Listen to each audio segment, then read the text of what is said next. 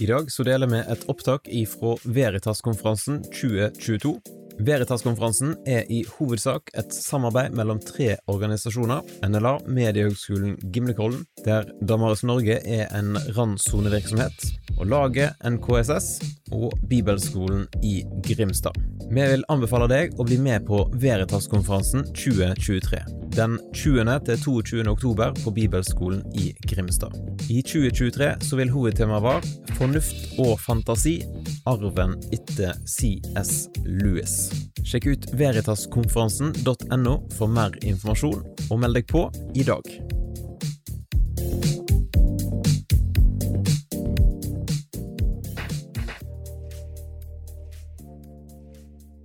Så veldig fint å se dere.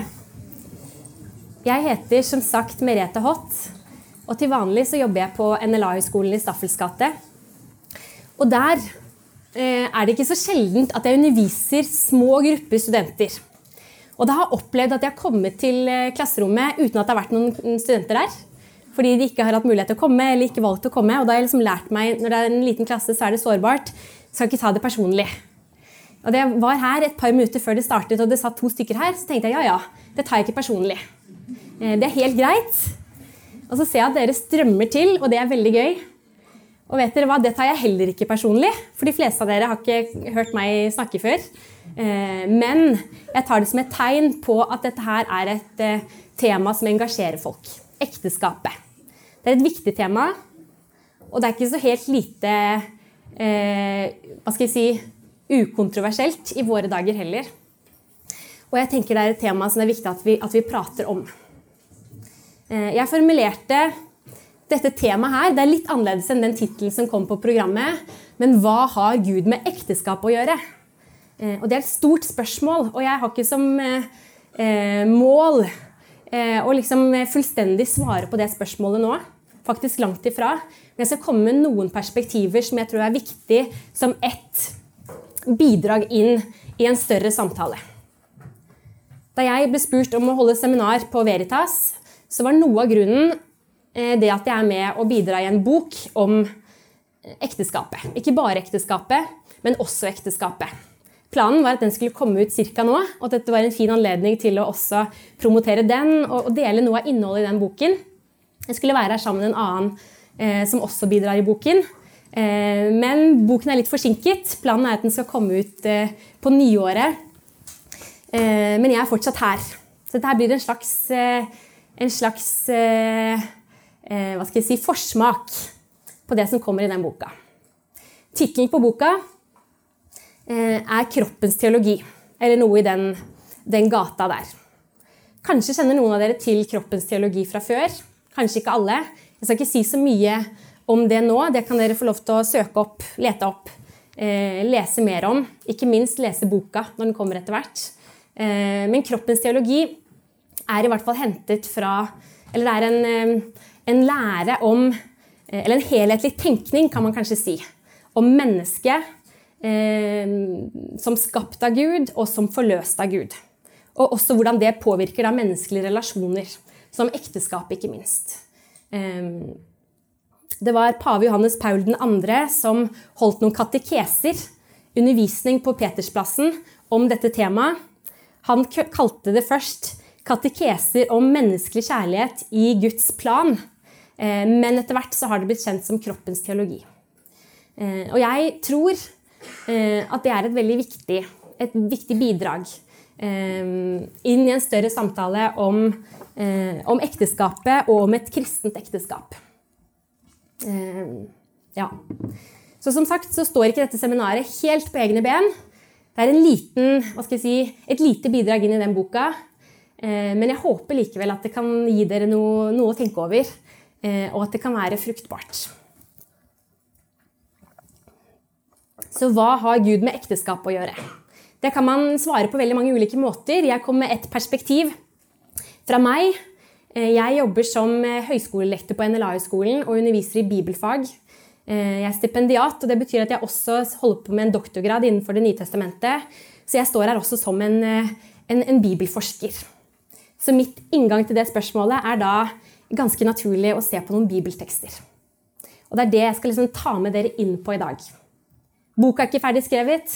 Mitt kapittel er ikke ferdig skrevet. Um, så jeg, jeg, si, jeg er ikke ferdig tenkt heller, og tar gjerne imot innspill. Både nå etterpå eller i ettertid, hvis det er noe dere tenker på. Um, pakt og ekteskap i noen utvalgte bibeltekster. Uh, Guds relasjon til Israel, ikke bare Israel, men også si, menneskeheten, men, men, spesielt Israel, beskrives i Det gamle testamentet eh, som en pakt. Og Det er helt sentralt for relasjonen mellom Gud og hans folk i Det gamle testamentet. Og Flere steder som vi skal se på, beskrives denne pakten som et ekteskap. Eh, og Det er det jeg tenker vi skal ta som et utgangspunkt her. Eh, når Gud beskriver sin relasjon til sitt folk som et ekteskap, hva har det å si for vår forståelse av Gud? Og av vår forståelse av ekteskapet? Det tenker jeg er to ting som kaster gjensidig lys på hverandre i Det gamle testamentet. Eh, når jeg sier at Guds pakt med Israel er et ekteskap, eller er som et ekteskap, så er det en metafor. Eh, og det er kanskje ikke nødvendig at jeg liksom eh, nevner det, men jeg gjør det likevel bare for å, bare for å huske på at når det er en, eller at det, at det er viktig å huske på at det er en metafor. For Gud, han er ikke menneske. Og når vi beskriver Guds relasjon som, som, et ekteskap, eller en ekteskapsrelasjon, så beskriver vi relasjonen mellom Gud og menneskeheten, eller mennesker, eh, ved å ta i bruk en, noe som vi kjenner som en menneskelig relasjon mellom ektefeller. Gud er ikke et menneske, så Guds relasjon eh, med verden eller med sitt folk er heller ikke lik en ekteskapsrelasjon liksom helt. Eh, det er en metafor. Gud har ikke kropp. Gud er ikke eh, seksuelt aktiv. Og sånn sett så er det en del av de bildene som brukes, som ikke må forstås bokstavelig. Det er kanskje selvsagt, men jeg, men jeg nevner det likevel. Og Gammeltestamentet er full av en sånn måte å snakke om Gud på. Ved å ta i bruk menneskelige bilder for å beskrive Gud som er helt annerledes. Som man ikke kan se, som ikke egentlig har liksom hender i fysisk forstand. Selvfølgelig er det annerledes når Gud blir menneske Jesus. Eh, men Gud Faderen, skaperen, eh, hva skal jeg si, er ikke et menneske, men beskrives likevel eh, med menneskelige egenskaper. Ja. Men like fullt eh, så er denne metaforen meningsfull og sier noe viktig om Gud og om hans relasjon til sin folk. Det er ikke bare sånn eh, litterær pynt for å, gjøre ordet, for å gjøre språket mer spennende. Så bruker man litt sånn billedlig språk, og så, og så kunne vi egentlig klart oss uten. Nei, jeg tror at denne metaforen sier noe helt vesentlig om Gud, om hans relasjon til menneskene. Og Hvis vi fjerner den, den metaforen, så får vi ikke sagt det samme. Ja. Så det er en metafor, men det er ikke bare en metafor i den forstand at det er liksom eh, ikke så viktig. Ja. Eh, så Guds pakt beskrives som et ekteskap. Beskrives ekteskapet som en pakt? Spørsmålstegn har jeg skrevet der. Jeg skal vise i hvert fall noen tekster hvor jeg, hvor jeg mener at ekteskapet også beskrives som en paktsrelasjon i Det gamle testamentet. Men de tekstene er sjeldnere. Vi skal også se på det, men vi skal starte med å se på Guds pakt til, til mennesker, eh, sitt folk, som en pakt i Gamle testamentet.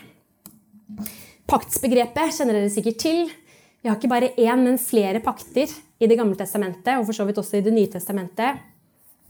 Her har jeg nevnt noen navn. og Det er ikke, bare, det er ikke fordi paktene bare hva skal jeg si, gjelder dem, men de er knyttet til noen karakterer i, i narrativene i Det gamle testamentet. Du har en pakt eh, med Noah, egentlig med hele liksom, skaperverket etter Noahs ark. I første Mosebok. Eh, du har Abrahamspakten.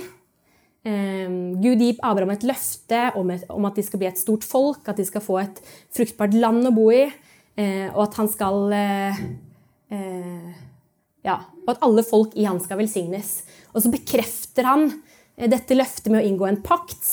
Eh, ja. Så det er en veldig sånn grunnleggende pakt. Og så er det også Sinai-pakten som opprettes med hele eh, Israels folk, Abrahams etterkommere, ved Sinai-fjellet etter utvandringen fra Egypt, med Moses som mellommann. Det var kanskje den paktsforbindelsen Eh, som også selvfølgelig ses i sammenheng med Abrahamspakten, som er liksom hovedfokus i dag. Så beskrives også Guds løfte til David om, at, om et evig kongedømme som en pakt. Um, pluss pluss har jeg skrevet, for vi møter også andre paktsrelasjoner. Ikke minst i Malaki, som vi skal se på eh, litt senere i dag, um, så nevnes det en pakt til levittene, til prestene. Ja. Så det er flere pakter. Men hva er en pakt? Dette er et spørsmål hvordan forstår vi paktene i Gamletestamentet. Det er et stort spørsmål eh, som eh, Gamletestamentet-forskere Eh, skriver om, diskuterer hvordan vi forstår vi det, hva er bakgrunnen for paktsbegrepet osv.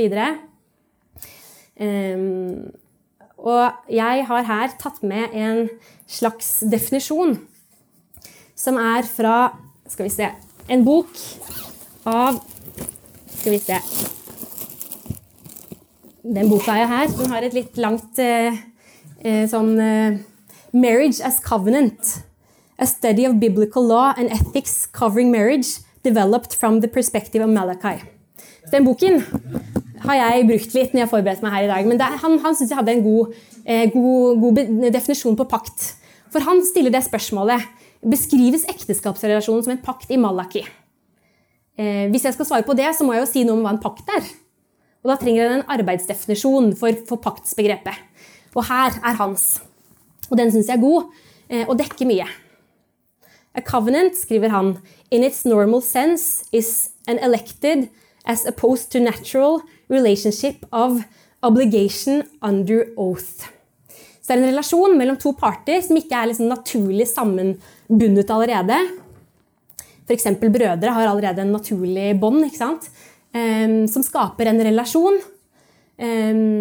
Og hvor det er knyttet en del forpliktelser, gjensidige forpliktelser eh, som er bekreftet ved en slags ed, eller et løfte. Gjerne forbundet med en rituell innstiftelseshandling, som vi også ser flere steder i Det gamle testamentet. Og disse paktene hadde ofte også uttalte sanksjoner knyttet til seg. Hvis pakten holdes, så vil det skje. Hvis pakten brytes, så vil det skje. Og Alt dette her kjenner vi igjen i hvordan Sinai-pakten i Det gamle testamentet beskrives mellom Gud og Israel. Og Femte Mosebok er kanskje den boken som si, mest helhetlig liksom pakker ut pakten mellom Gud og Israel. Kalles ofte også for paktsboken av den grunn. Og i slutten, og, og si, det som er Israels forpliktelser, er jo knyttet til den loven som også gis folket. Um, og, og, i slutten av 5. Mosebok så kommer også en beskrivelse av disse sanksjonene, konsekvensene om folket lever etter loven eller ikke. Um, kanskje er det ikke vanlig å begynne her når man skal snakke om ekteskap. Um, men jeg skal likevel gjøre et poeng her, og derfor har jeg det med. Og det kommer til å bli tydeligere utover hvorfor jeg gjør det. Uh, for her liksom, beskrives det ganske ordrikt de velsignelsene som folket vil ta del av hvis de holder seg til Gud og til pakten og holder si, paktens forpliktelser.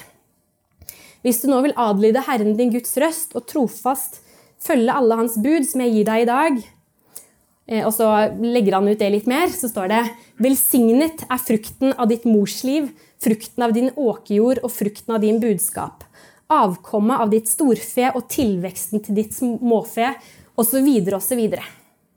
Det står også noe om at dere vil ha liksom, seier over fienden osv., men mye av det som beskrives der, er i si, fruktbarhetsspråk.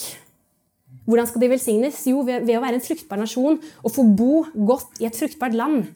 Som du ja, i, i da konteksten for 5. Mosebok straks skal gå inn eh, og ta i eie.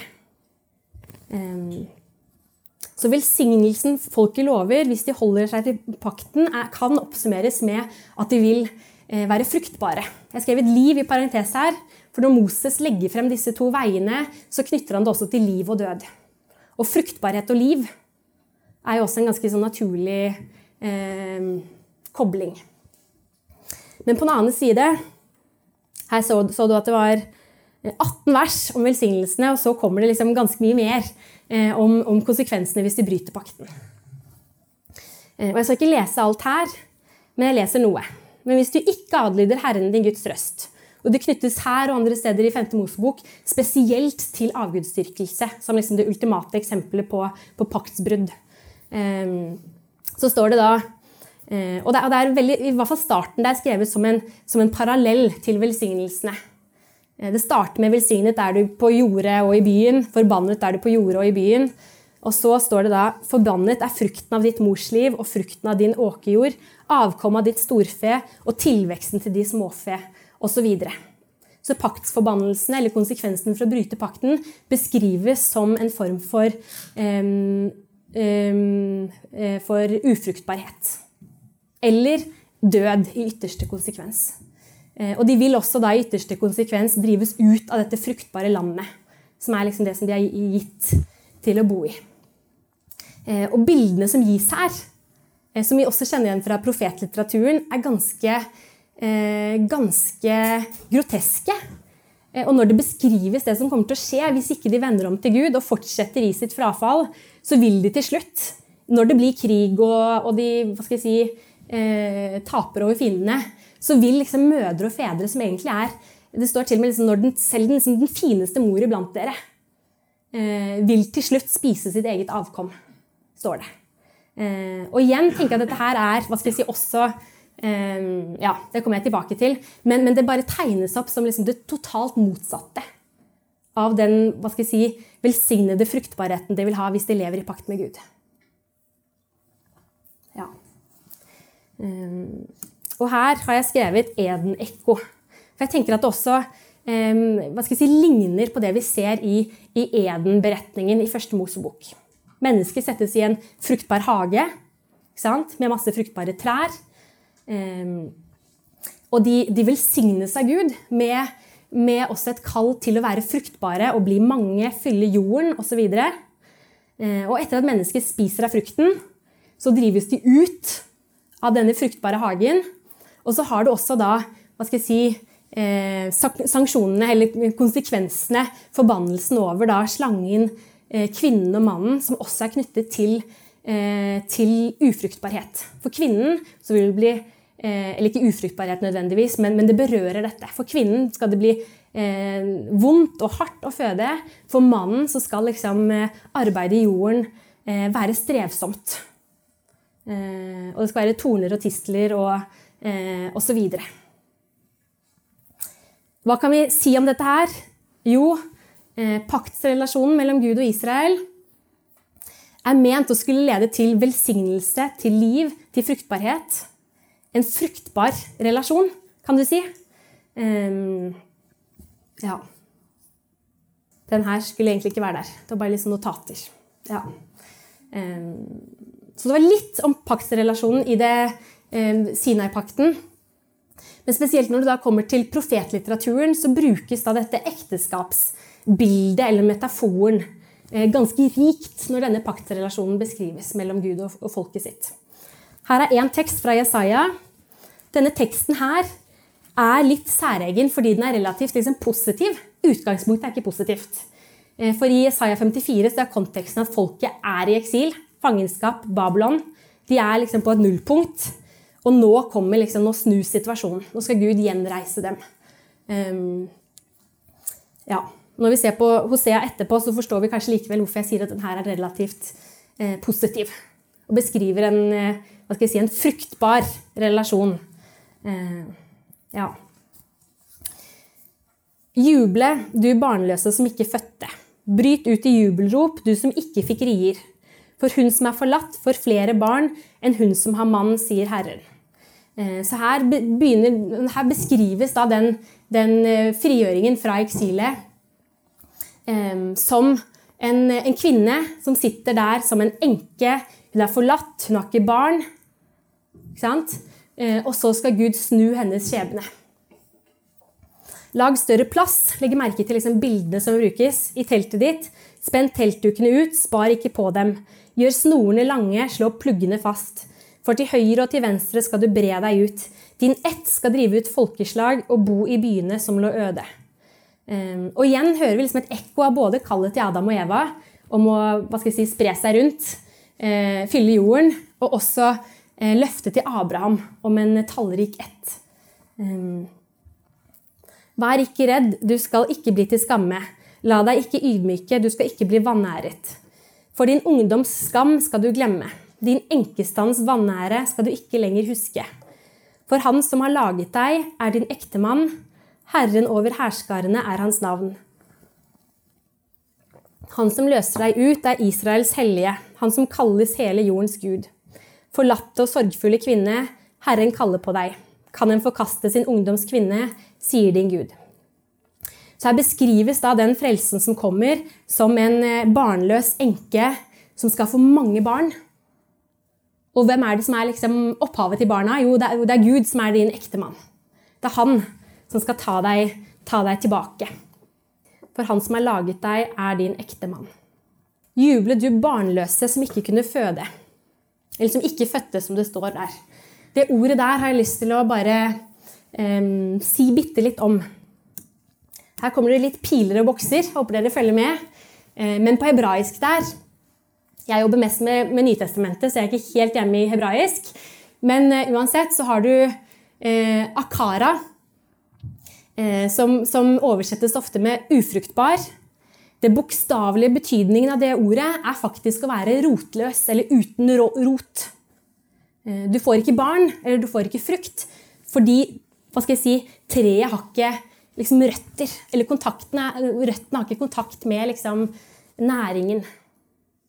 Um, når, når, det står om at, folk, at et folk skal uh, hva skal jeg si, kastes ut, kastes ut, av landet, så kan det samme begrepet bruke at dere skal liksom, plukkes opp og bli rotløse.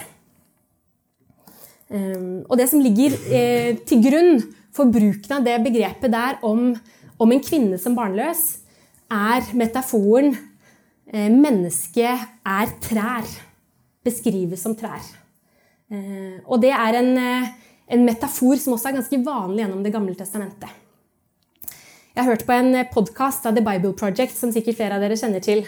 Men de har en episode som heter 'Humans are trees', som, følger, som, som på en måte pakker ut den metaforen der. Veldig spennende. Anbefales.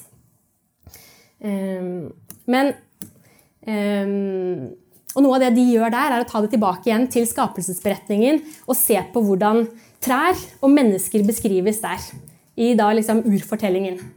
Og de syv skapelsesberetningene har en sånn parallell struktur, hvor første dag svarer til, fjerde dag, andre dag til eh, femte dag og tredje dag til sjette dag. Ja. Um, lys og sol, hav og fisker, hage eller jord med trær og mennesker som fyller den jorda. På dag, tre og dag seks. Trærne beskrives flere ganger der at de har frø i seg, sæd i seg, um, og at de, frukt, eh, altså at de, bærer frukt. Og når mennesker beskrives i liksom parallellteksten til trærne, så står det om mennesket også at de skal bære frukt. Vær fruktbare. ikke sant? Eh, og kanskje er det selvsagt, vi bruker det i vårt språk også, og fruktbarhet. Eh, ikke sant? Forplantning. Det er også del av vårt, en metafor som er del av, vår måte å snakke om, eh, om reproduksjon på. Eh, men jeg hadde likevel lyst til å understreke det her, for det er ganske gjennomgående. Ja. Og det hebraiske sera, som betyr frø, som det står at trærne er fulle av, det oversettes også med sæd frøene til mannen. Og det oversettes også med en etterkommer eh, eller en ett. Ja. Så når da menneskets si, avkom beskrives, så bruker man også den, den plantemetaforen. Eh, og barn kalles flere steder for frukt av morsliv. Vi så det i stad i den femte Mosebok-teksten. Velsignet skal frukten av morslivet ditt være. Så menneskelig fruktbarhet og hva skal jeg si, planterikets fruktbarhet kan ofte liksom snakkes om litt sånn om hverandre. Og det ser vi også når vi kommer til eh, andre profettekster. Og nå skal jeg gå fra Jesaja til Hosea. Og det er kanskje Hosea som er aller mest kjent for denne metaforen her. Ekteskaps. Eh, hva skal jeg si, Kanskje heller skal snakke om det som en allegorie, men i hvert fall en, dette bildet når, når relasjonen mellom Gud og Israel beskrives.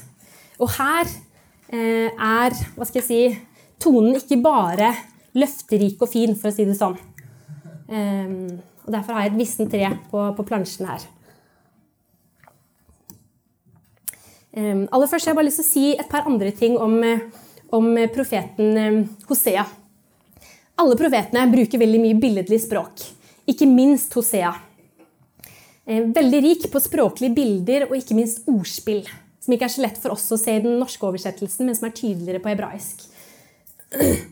Israel er ikke bare portrettert som en utro kone, som hun er, og som kanskje er det dominerende bildet i Hosea, men også som intet mindre enn en trassig ku, en frodig vinstokk, sønn, et tre med tørr rot uten frukt, en brødleiv som ikke er snudd, et villesel osv. Så, så det er flere bilder som brukes på å beskrive Israel. Dommen beskrives et sted som ørn, Ehm, et annet sted som alder, eller det å bli gammel. At profeten sier dere har allerede grått hår overstrødd på hodet deres, men dere vet ikke. Enden kommer snart. Ehm, vind osv. Og, og Gud beskrives som løve, en leopard, en binne.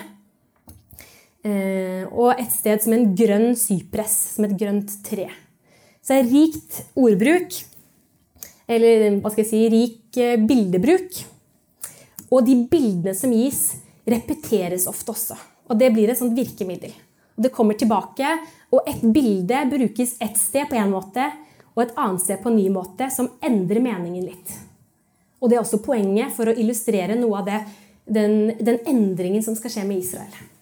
Jeg har lyst til å komme med ett eksempel før jeg går til selve ekteskapsmetaforen. Israels synd 6.4.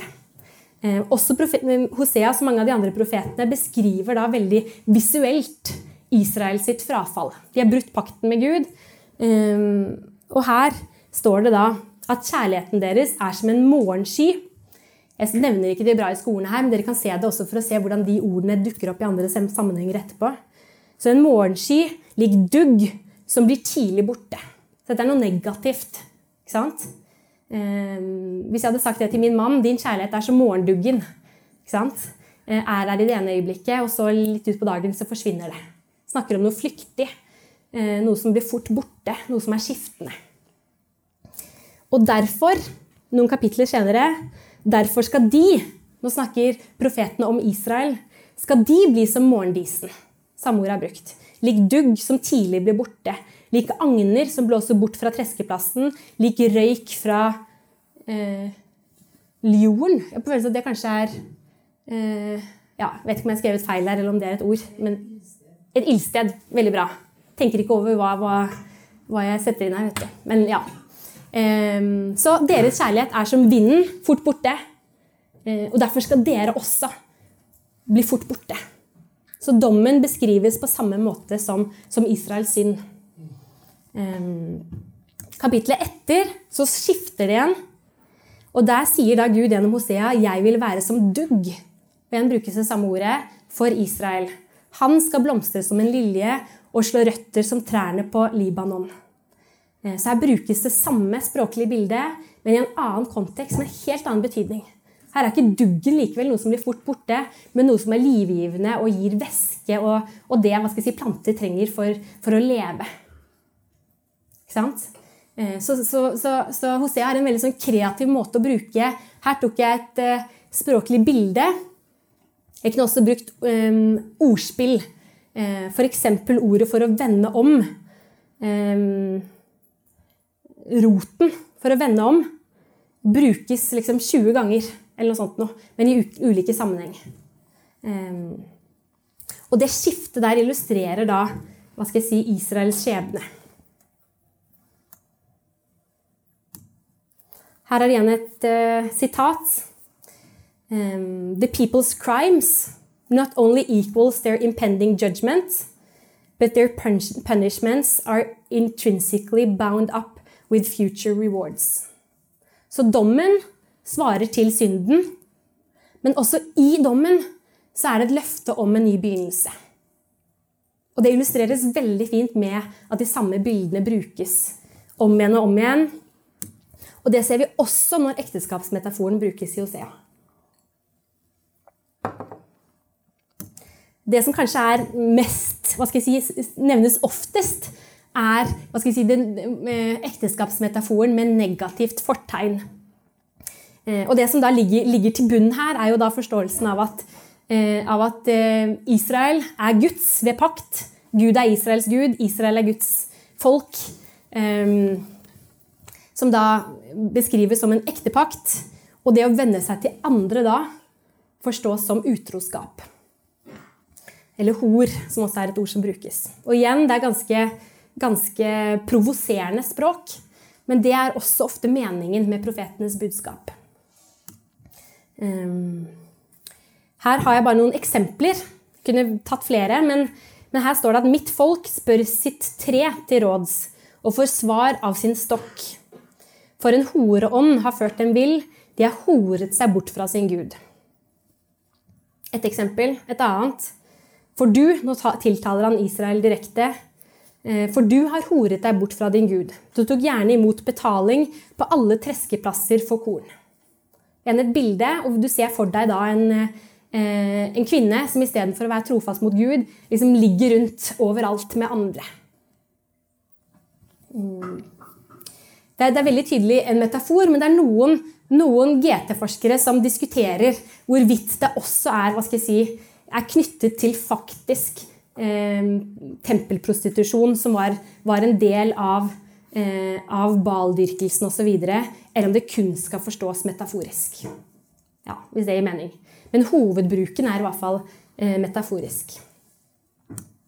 For deres mor driver hor. Hun som fødte dem, førte skam over seg. Hun sa, 'Jeg vil gå etter elskerne mine, de som gir meg brød og vin, ull og lin, olje og vin osv. Så, eh, så denne kvinnen da går da etter elskerne sine og, og, og for, å, for, å, få nettopp det som er knyttet til, til liksom fruktbarhet og eh, Eller i hvert fall også det, da.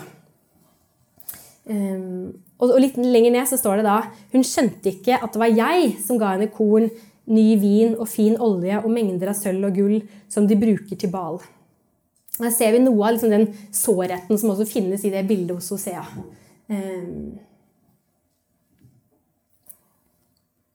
nettopp dette, Denne ekteskapsmetaforen hos Hosea er også i liksom polemikk med baldyrkelsen. Bal var en fruktbarhetsgud som kananittene dyrket for eh, å, å hva skal jeg si, velsignes med fruktbarhet. For mange barn, for store saueflokker.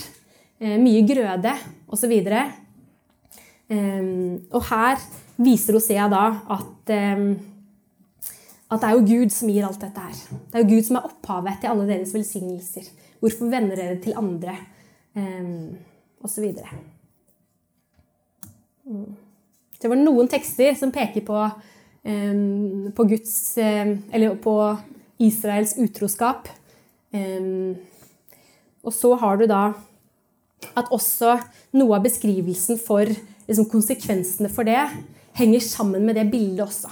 Her er skrevet at det knyttes enten til separasjon eller også ufruktbarhet, som jo knyttes til dette bildet med ekteskapet som en, som en fruktbar relasjon.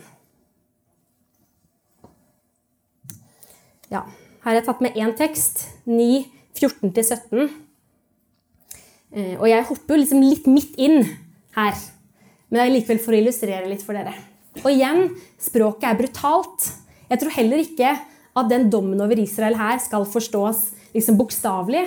Men igjen så er det bilder som beskrives, både brukes for å beskrive Israels avgudsdyrkelse, og også den dommen som kommer.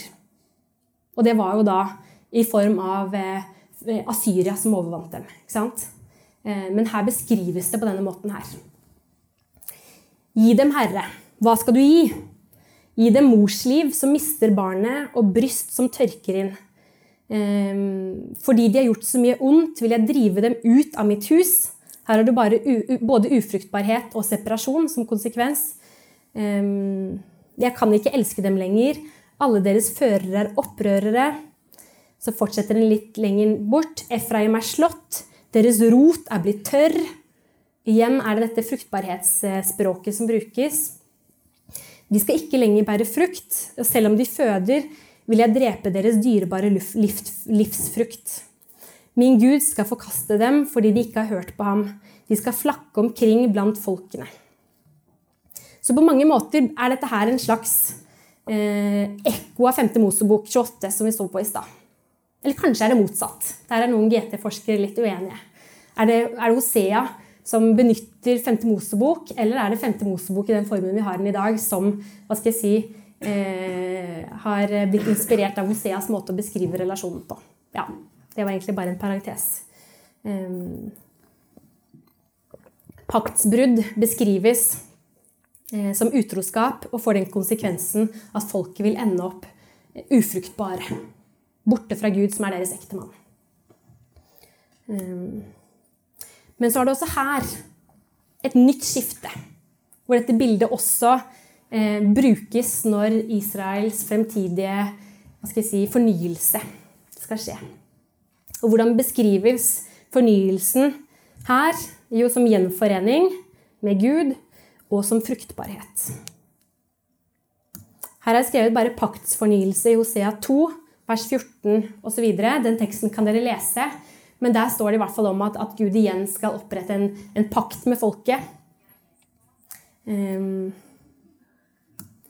og der var det Siri. um, og så har jeg lyst til å også bare lese noen vers helt fra slutten her. Og det er her liksom Hosea, profetboken, avslutter med disse ordene her. Rett før dette her så er det en veldig vakker invitasjon til Israel til å vende om til Gud. Uh, og så kommer da liksom svaret. Um, og jeg er spesielt, eller jeg har alltid vært veldig glad i dette uttrykket her. At jeg vil helbrede deres frafall. Um, og jeg vil elske dem av hjertet, for min vrede har vendt seg fra dem. Jeg vil være som dugg for Israel, det så vi på i stad. Han skal blomstre som en lilje og slå røtter som trær på Libanon. Hva har vel Efraim med gudebilder å gjøre? Det er jeg som svarer han og ser til ham. Jeg er som en grønn sypress. Fra meg skal din frukt komme. Så igjen Hosea-boken viser oss et bilde av et ganske sånn broket eh, paktsforhold mellom Gud og Israel, men som beskrives som et ekteskap som ryker, eh, men som igjen gjenopprettes. Um, og som igjen skal føre til, til liv og til fruktbarhet eh, for folket.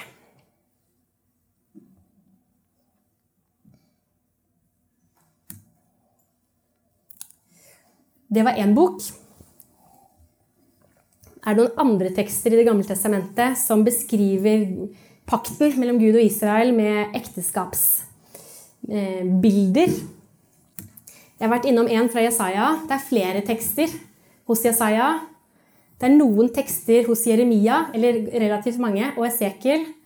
Eh, og, de hva skal jeg si, eh, minner om tekstene i Hosea.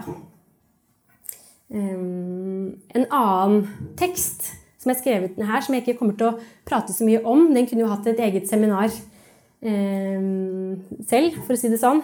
Men det er også da en, en, lesning av Høysangen, en allegorisk lesning av Høysangen. Denne kjærlighetssangen mellom um, han og henne, eh, som også har blitt lest og forstått både av kristne og jøder som, eh, som en hyllest av da kjærligheten mellom Gud og, og hans folk. ja. Så jeg skrev ut her med et spørsmålstegn. Kan omskjærelsen, paktstegnet, hva skal jeg si, si noe om eh, pakten som et ekteskap? Kanskje. Noen har i hvert fall vist til hvordan omskjærelse ofte var eh, brukt eh, som en slags rite for å forberede mannen på ekteskap. Eh, ofte var det vanlig at det ikke var barn, men hva skal jeg si, menn i puberteten som ble omskåret. Eh, så kanskje, når alle sønnene i eh, Abrahams slekt skulle omskjære guttebarna. Kanskje var det en slags tegn på at, eh, at eh, hva skal jeg si, folket sto i en sånn relasjon til Gud. Ja, vet ikke. Jeg har tatt det med der. Og så er det også andre tekster som ikke er tatt med her. Hva med pakt som ekteskap i nytestamentlige tekster? Hvorfor jeg har skrevet pakt i, i hermetegn her, er ikke fordi pakt er eh, hva skal jeg si, uvesentlig eller ikke til stede i Det nye testamentet. Du har jo Jesus som innstifter nattverden. Dette er den nye pakt i mitt blod. ikke? Men, men det er rett og slett fordi, eh, fordi det ikke er noen steder så vidt jeg ser, hvor det, hvor det står liksom eksplisitt om pakt og ekteskap, men at beskrivelsen av Guds relasjon til sitt folk, Kristi relasjon til eh, kirken beskrives eh, ved hjelp av ekteskapsmetaforen. Du har flere tekster i evangeliene som skriver om Jesus som brudgom. F.eks. Johannes 3,27, hvor Johannes døperen sier om Jesus at brudgommen er han som har bruden. Er det ikke noe sånt? Ja. Og så har du også lignelser som beskriver Guds rike som en bryllupsfest osv. Så, så har du da ikke minst de siste kapitlene i Johannes' åpenbaring Eh, hvor, hvor, vi får liksom en beskrivelse av lammets bryllupsfest. Mellom lammet, Kristus, og, og kirken som bruden. En annen tekst her eh, som jeg syns også er veldig relevant i denne sammenhengen, er i 2. Korinterbrev kapittel 11. Her er det Paulus som da sier til menigheten i Korint at 'jeg vokter dere med Guds brennende sjalusi'. 'Jeg har lovet dere bort til Kristus'. Dere er hva skal jeg si, forlovet med Kristus, og jeg skal, eh, hva skal jeg si, sørge for at det skjer. Um, og bare til ham. Noen mener at Paulus her går inn i en slags sånn forloverrolle. Andre at han er i en mer sånn farsrolle. Um, at han skal liksom lede bruden til brudgommen. Til Kristus og bare til ham. For å føre dere til ham som en ren jomfru. Men jeg er redd at slik slangen narret Eva med sin list, skal også deres tanker bli ført på avveier bort fra den oppriktige og rene hengivenheten til Kristus.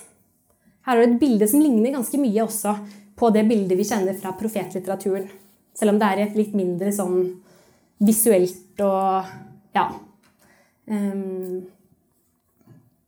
men i hvert fall Paulus um, kjenner på en sånn brennende sjalusi, som vi også kjenner fra tekster i Det gamle testamentet, som, som beskriver Guds brennende sjalusi når folket vender seg til avguder. Så kjenner Paulus på det på vegne av Gud, fordi han er redd for at de skal vende seg bort til noen andre istedenfor Kristus og bli ført på avveie, slik som Israel var i, i eh, Gammeltestamentet. Ikke sant? Ja.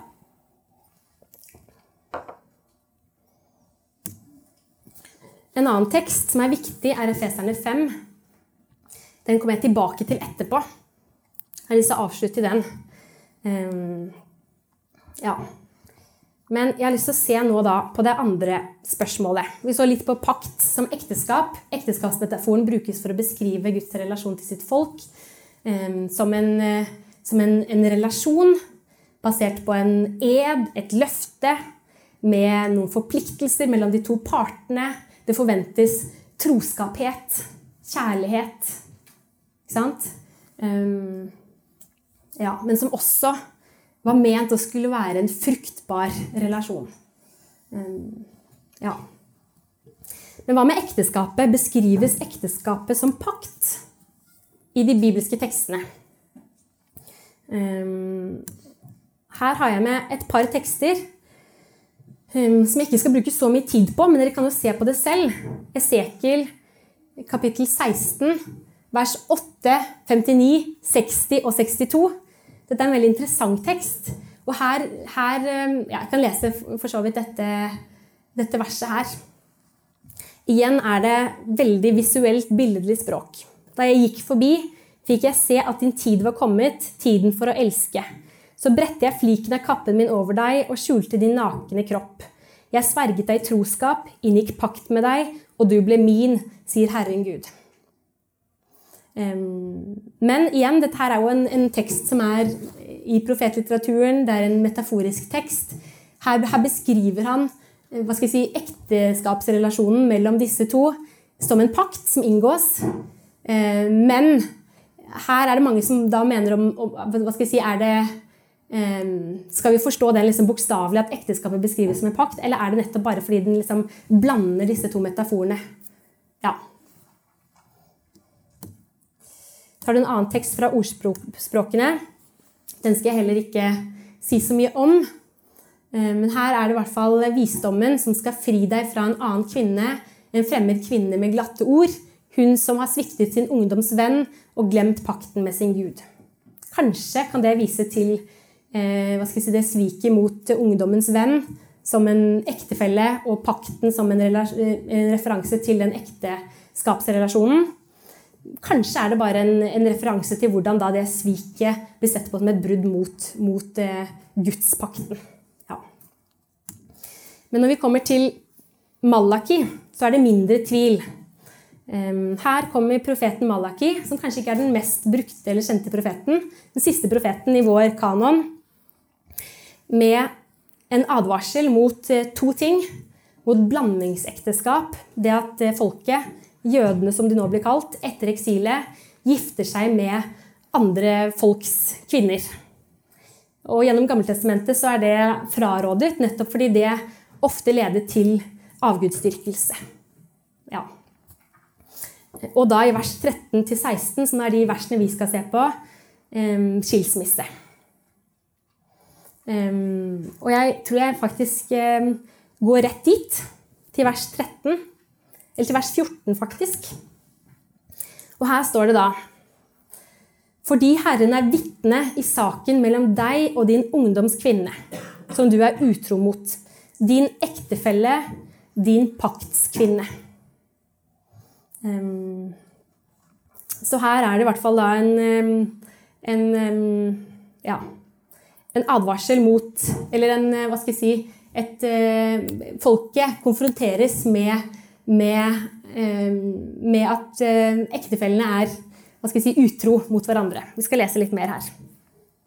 Ordet som brukes for ektefelle der, eh, betyr eller oversettes Roten der er knyttet til det å være forenet, sammenbundet.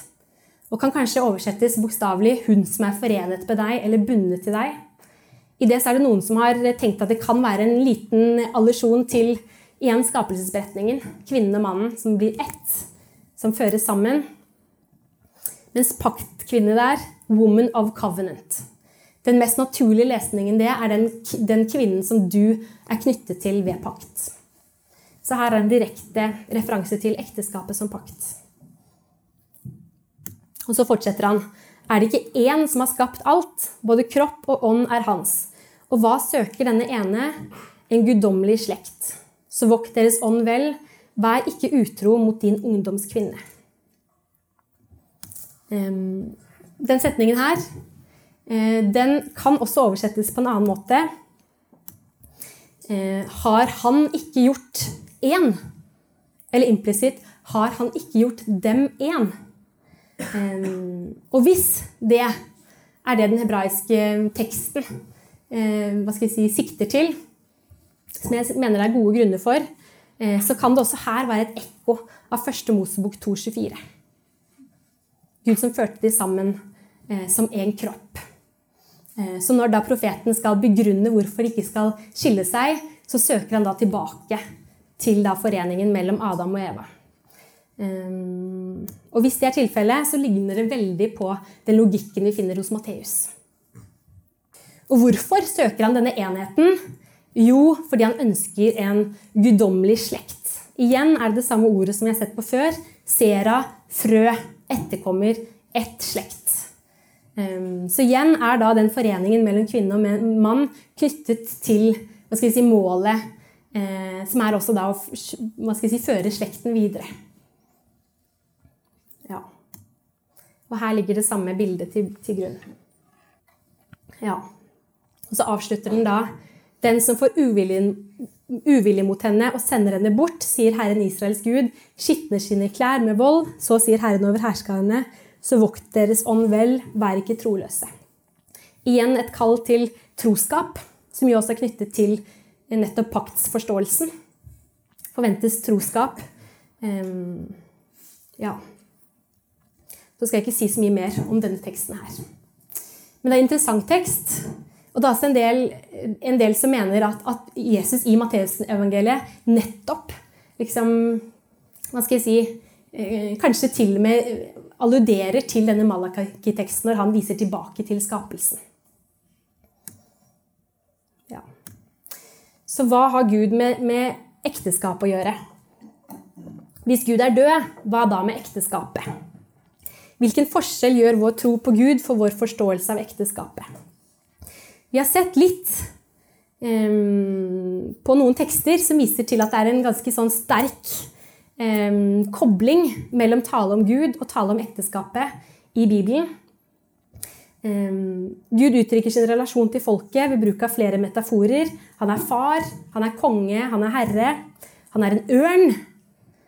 Flere bilder. Men ofte beskrives denne paktsrelasjonen som et ekteskap. Han har utvalgt Israel. Israel tilhører han som hans folk. Han tilhører dem eh, som deres gud. Eh, og han har gitt løfte om trofast kjærlighet. Og Gud gjør Israel fruktbar, som også er kanskje noe jeg har lyst til å liksom, hamre litt inn. Føre slekten videre. Um, og Gud ønsker å forvente trofast kjærlighet igjen. Noe som ikke gir rom for andre guder. Og denne metaforen som vi så, videreføres inn i Det nye testamentet. Vi har også sett på den andre siden at spesielt Malaki beskriver foreningen av mannen og kvinnen som en pakt med Gud som vitne, en relasjon som fordrer trofasthet og har fruktbarhet som mål. Og En siste tekst som jeg har lyst til å se på, som viser denne koblingen, er Efeserne 5, som er en viktig tekst. Og Her kommer vi rett inn i en, i en tekst um, til mennene i menigheten. De andre kvinnene har akkurat blitt adressert. Og her står det Dere menn, elsk konene deres slik Kristus elsket kirken og ga seg selv for den, for å gjøre den hellig og rense den med bad i vann i kraft av et ord. Slik vil han selv føre kirken fremfor seg i herlighet, uten minste flekk eller rynke, hellig og uten feil skulle den være. På samme måte skal altså mennene elske sine koner som sin egen kropp. Den som elsker sin kone, elsker seg selv. Ingen har noen gang hatet sin egen kropp. Nei, man gir kroppen næring og pleier den på samme måte som Kristus gjør med kirken. For vi er lemmer på hans kropp. Derfor skal mannen forlate far og mor og holde fast ved sin kvinne, og de to skal være én kropp. Dette er et stort mysterium. Jeg tenker på Kristus og kirken. Men det gjelder også hver enkelt av dere. Hver mann skal elske sin kone som seg selv, og hun skal ha respekt for sin mann.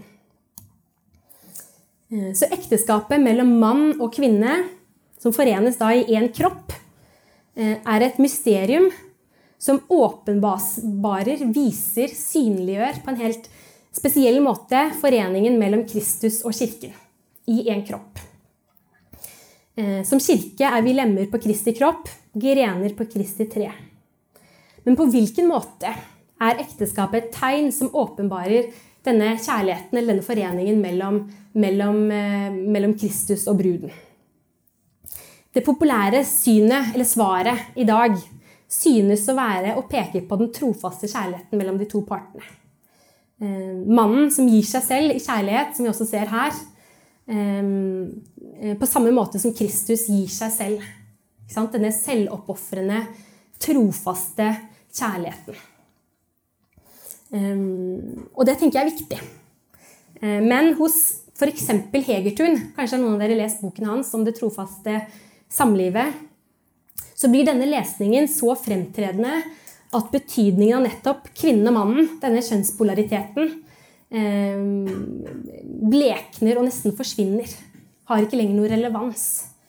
Eh, og med dette så ønsker ikke jeg å undervurdere det aspektet. Du ser selv her, kjempeviktig. Med den der uttømmende kjærlighetsgaven til hverandre i ekteskapet. Eh, men det trofaste samlivet som vi liker å snakke om, er i sin bibelske kontekst også ment å skulle være et fruktbart samliv. Som jeg setter på. Eh, og det kanskje kommer eh, Ja. Og som sagt, gjennom pakten med Israel, som ønsker og krever trofast kjærlighet fra begge parter, eh, så har Gud som hensikt å befrukte Israel med liv, som vi så på. velsigne med, med fruktbarhet og liv i et fruktbart land. Og I foreningen mellom de to elskende, mannen og kvinnen, eh, som også er helt avhengig av, av trofast kjærlighet, eh, så, eh, så er det også et potensial for nytt liv. Eh, og er kjønnspolariteten irrelevant her? Her mener jeg nei. Um, her mener jeg nei. Her er mannen og kvinnens forskjellige roller, um, som reflekterer noe helt vesentlig ved relasjonen mellom Gud og menneske også. helt avgjørende. Du ser det ikke minst ved, ved samleie. Kroppene er forskjellige, og, og man har liksom forskjellige roller i et samleie. Ofte så er man liksom redd for å snakke om det fordi man er redd for å havne i en sånn mannen som dominerende og kvinnen som passiv type tenkning. Som man ikke vil liksom gå inn i.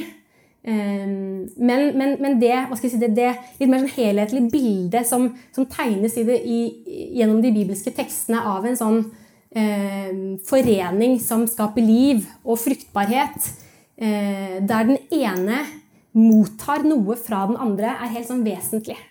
Um, og jeg tenker på i, både for så vidt i seksualakten og ikke minst i liksom, befruktningen og det å bære frem et barn, så betyr jo ikke det at kvinnen er liksom, mottagende i den relasjonen og tar imot sæd fra mannen for å bli befruktet utenfra.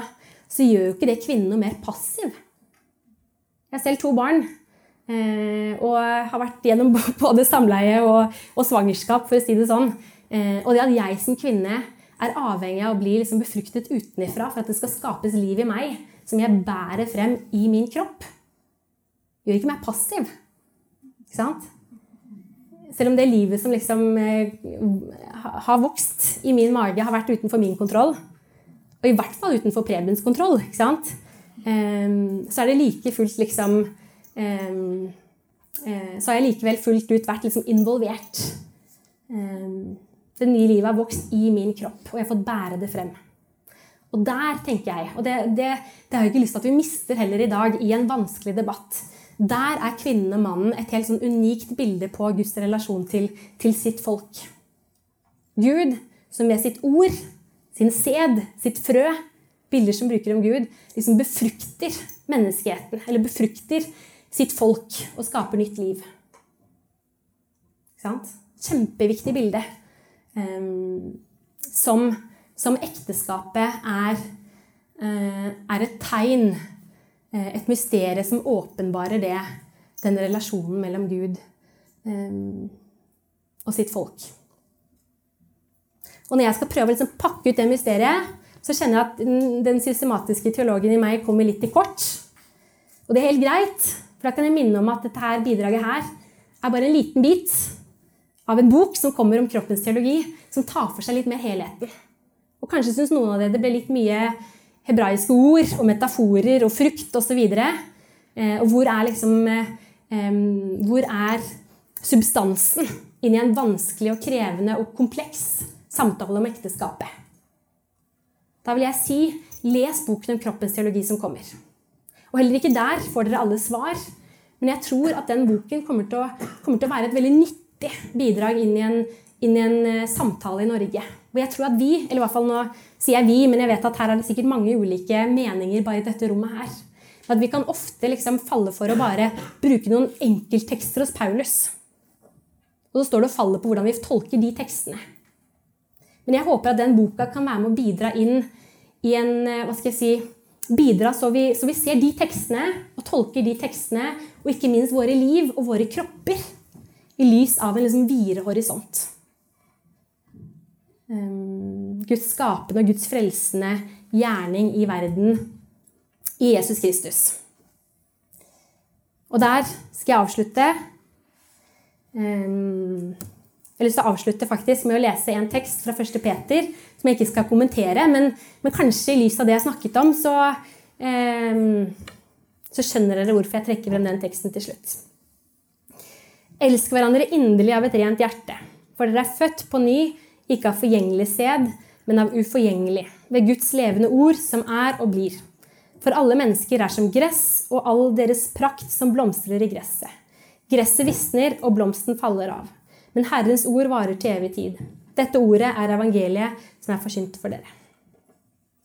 Så hvis dere skal huske to ting fra i dag Husk at som en paktsrelasjon så er ekteskapet, ja, et trofast samliv mellom mann og kvinne som gir seg selv til hverandre.